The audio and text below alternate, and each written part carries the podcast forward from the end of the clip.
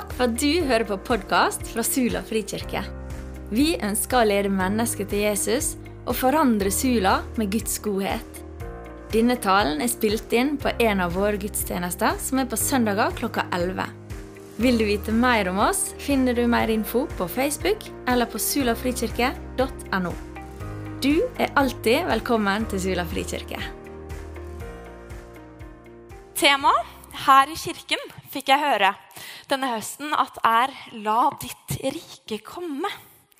Med utgangspunkt i tekster fra Lukas evangeliet. Og jeg tenkte at jeg skulle følge den troen der i dag og snakke om når Jesus sier 'følg meg'. Og hva er det det betyr å følge noen? Vi følger ganske mange folk, tipper jeg, på sosiale medier. Folk vi kjenner, og kanskje aller flest folk vi ikke kjenner.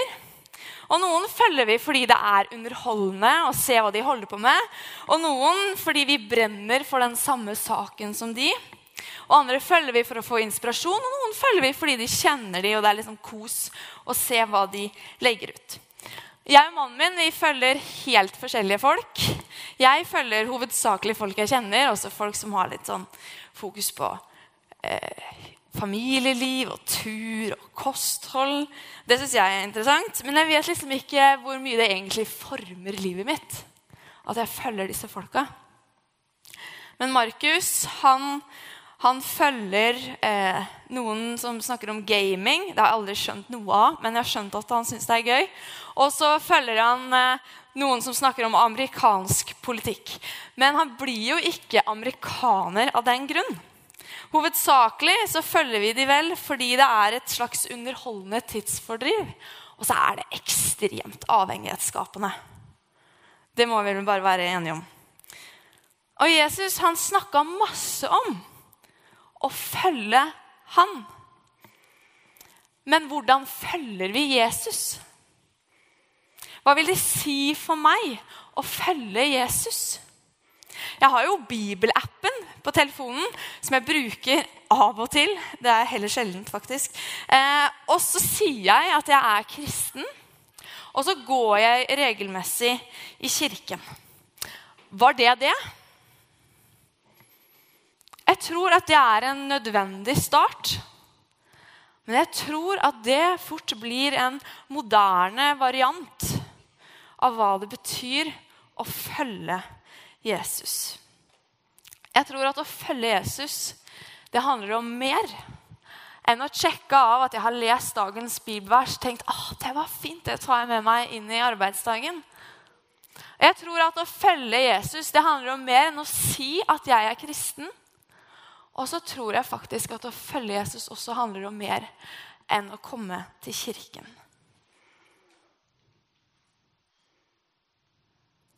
Følger jeg Jesus som om han var en semikjent influenser? Som får forme noen deler av mitt liv, eller gir meg en slags underholdning? Eller var det noe annet Jesus mente når han sa 'følg meg'? Og Nå skal jeg lese for dere fra Lukas 9. Og jeg har brukt oversettelsen Hverdagsbibelen. Og der står det en dag mens Jesus var alene i bønn, kom disiplene for å være sammen med ham. Da spurte han dem, 'Hvem sier folk at jeg er?' De svarte, 'Noen sier at du er døperen Johannes, mens noen sier at du er Elia.' 'Og andre igjen sier at du er en av de gamle profetene som har stått opp igjen.' Så spurte han dem, 'Men hvem sier dere at jeg er?' Peter svarte, 'Du er Messias, sendt fra Gud.' Jesus advarte disiplene sine mot å fortelle noen hvem han var. Så forklarte han, 'Jeg kommer til å lide mye' og bli forkastet av folkets ledere, øverstepresten og de skriftlærde. Jeg skal bli drept, men på den tredje dagen skal jeg stå opp igjen. Så sa han til alle som var der. Den som vil følge meg, må slutte å tenke på seg selv og ta opp sitt kors hver dag og følge meg. For de som prøver å holde fast på det livet de har, vil miste det. Men de som er villige til å ofre visse ting i livet for min skyld, vil finne livets egentlige verdi, og de skal bli frelst. For hva hjelper det et menneske om han vinner hele verden, men ender opp med å miste seg selv? For hver den som skammer seg over meg eller det jeg har sagt, han skal jeg skamme meg over når jeg kommer hjem til herligheten i himmelen til min far og de hellige englene. Det er faktisk noen av dere som er her, som ikke skal dø før dere har sett Guds rike med deres egne øyne. Snakk om å liksom boom, drop the bomb. Altså, det her er ikke et enkelt budskap som Jesus kommer med. Hvis du skal følge meg, så må du slutte å tenke på deg sjøl. Og hver dag ta opp ditt kors og følge meg.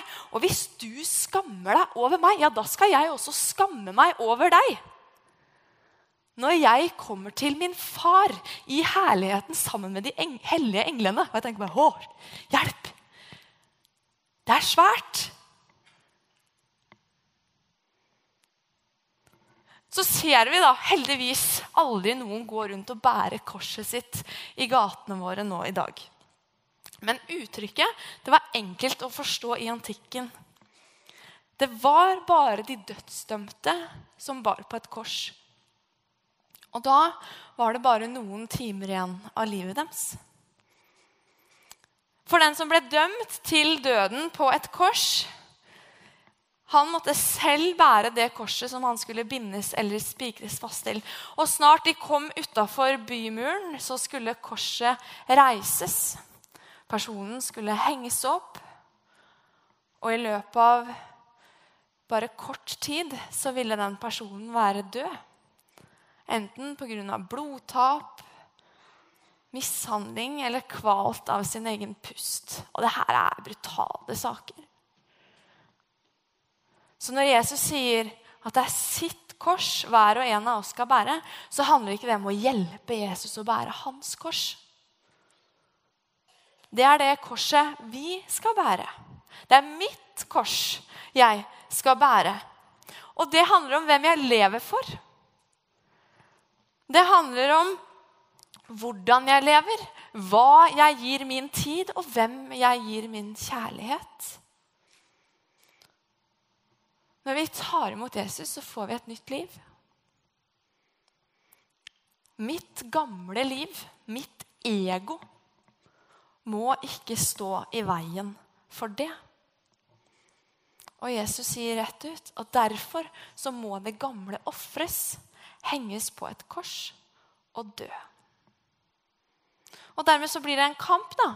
Skal jeg følge meg selv, eller skal jeg følge Jesus? Og hver dag så er det en ny kamp. For å følge Jesus det er ikke det samme som å følge noen fordi det er underholdende. Og det er heller ikke det samme som å dilte etter. Paulus han skriver da Kristus ble korsfestet, ble han korsfestet for meg. Jeg ble altså på en måte korsfestet sammen med han. Og derfor lever jeg ikke lenger livet for meg selv. Nå er det Kristus som skal få leve sitt liv gjennom meg. Det livet jeg nå lever her på jorden, det skal preges av min tro på Guds sønn. Han som elsket meg og ga seg selv for meg. Paulus snakker ikke om en korsfestelse som kun favner deler av livet. Det er en korsfestelse som gir oss et helt nytt liv. Som forteller oss hvem vi tilhører, og hvem vi tjener. Det er en korsfestelse som forteller oss hvem vi er, og vår misjon. Og Derfor lever jeg ikke lenger livet for meg selv. Nå er det Kristus som skal få leve sitt liv igjennom meg. Og hvis ikke det får prege mitt liv, min hverdag, mine valg, min tid, mine ord, da skammer jeg meg over evangeliet. Eller i beste fall dilter etter. Jesus og Paulus de er radikale. Det Jesus sa, det tok Paulus til seg. Bare, ok, Jesus, jeg hører hva du sier. Jeg skal gjøre det. Koste hva det koste vil.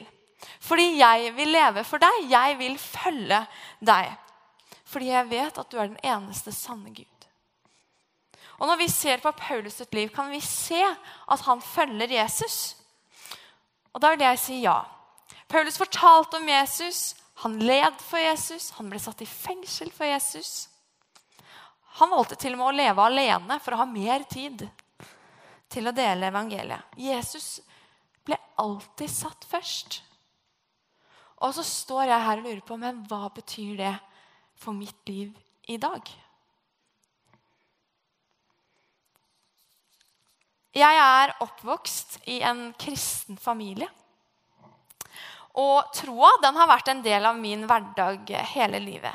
Da jeg var seks år, så begynte jeg på en barneforening i kirken. Og jeg hadde en barneleder som så meg.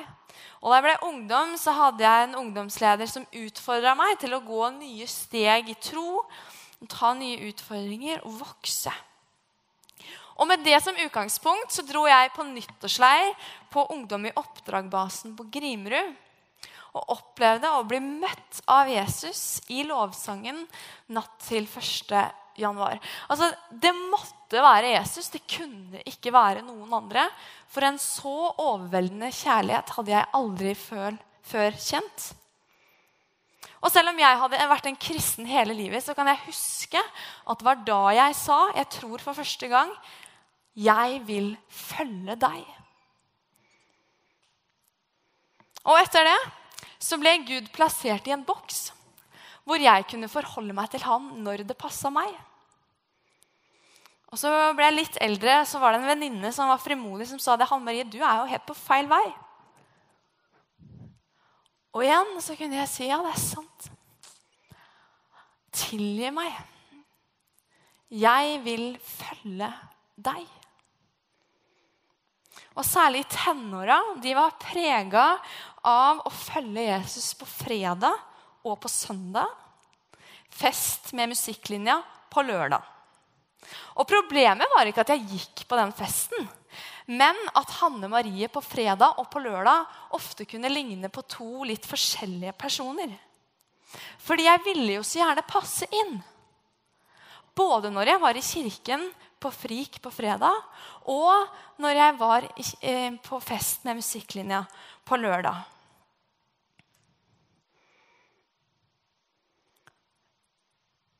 Det ville være helt vanlig å gjøre det alle de andre gjorde. Både når jeg var i kirken, og når jeg var på fest. Og dermed så blir man liksom stående sånn her, med én fot i hver leir. Og så står man i spagaten. Eller jeg sto i hvert fall i spagaten i hvert fall i tre år.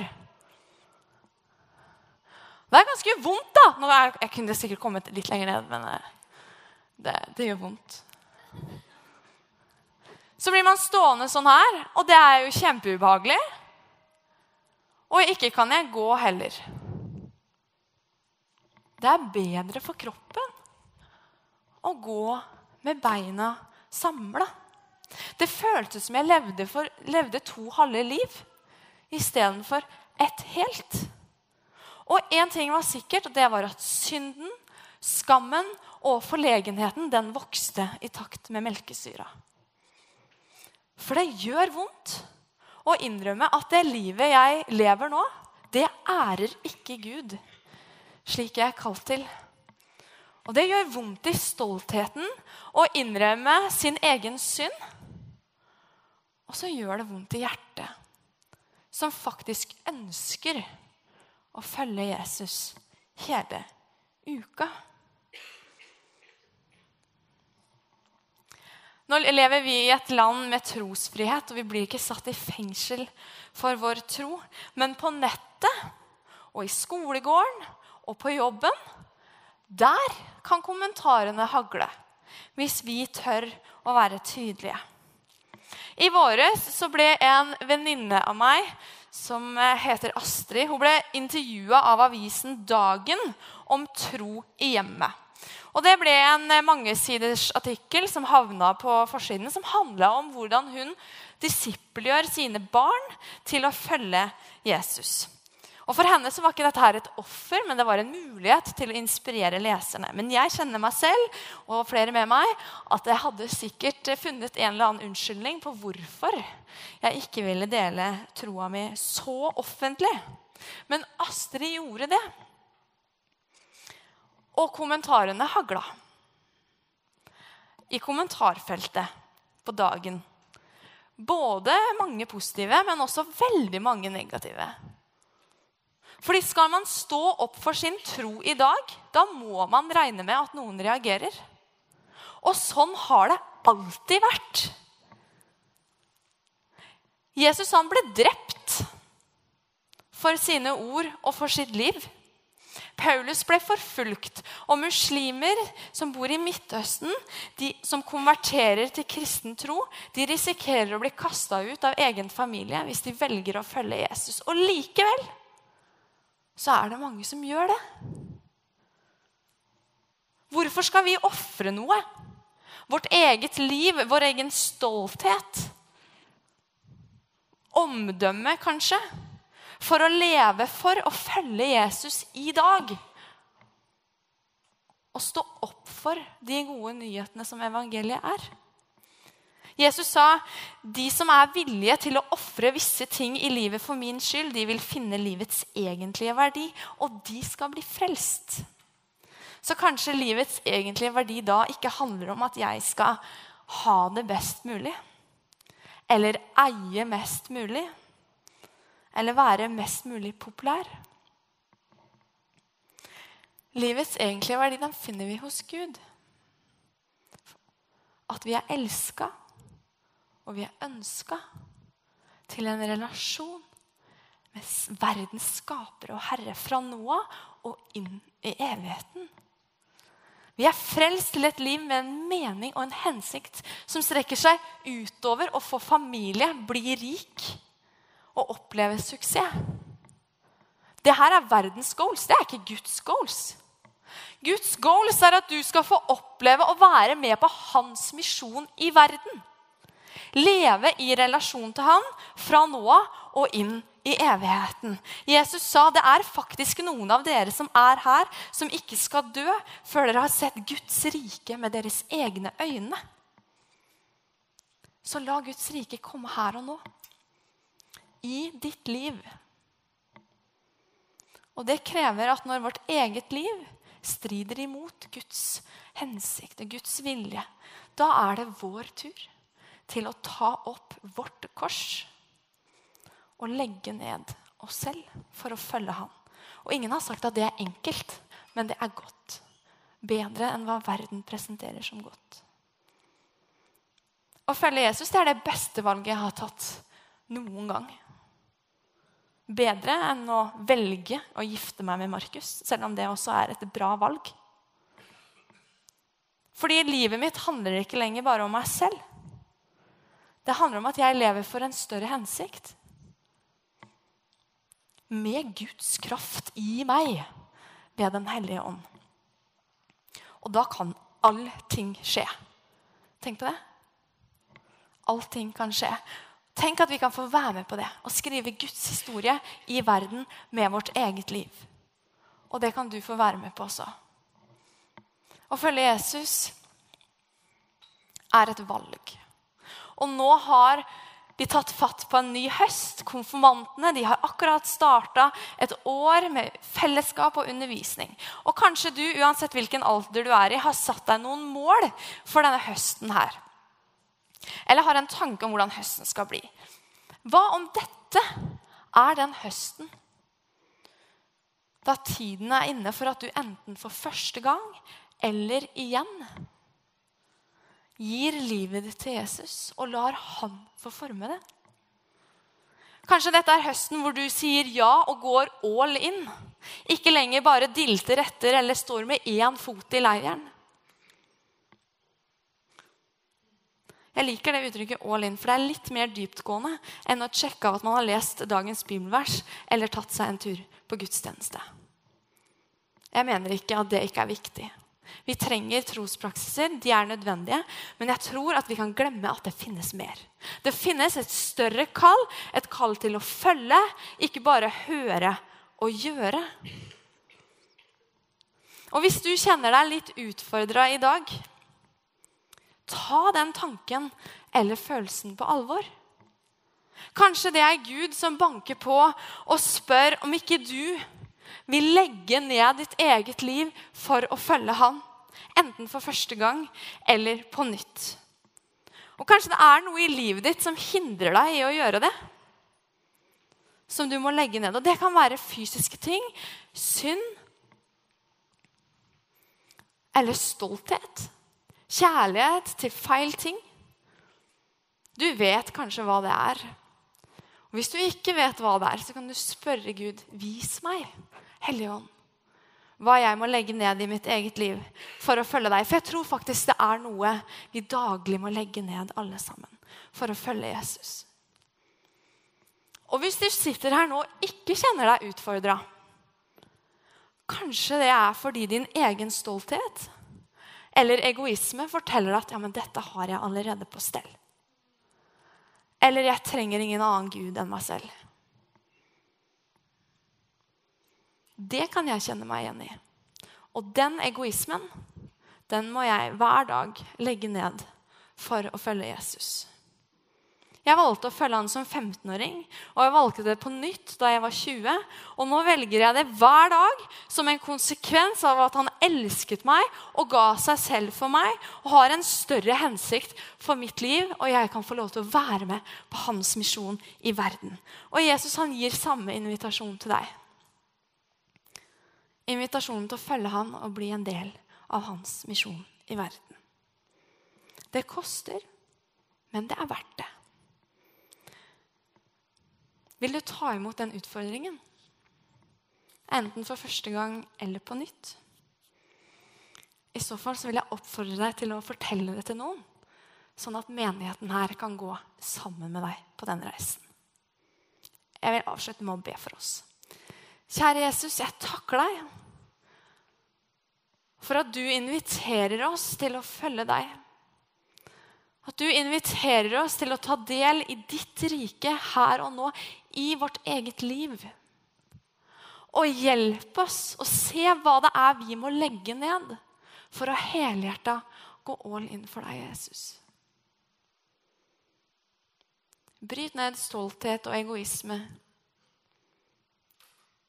Og la oss få erfare hvilken glede og hvilket liv det er når vi sier ja til deg. Amen.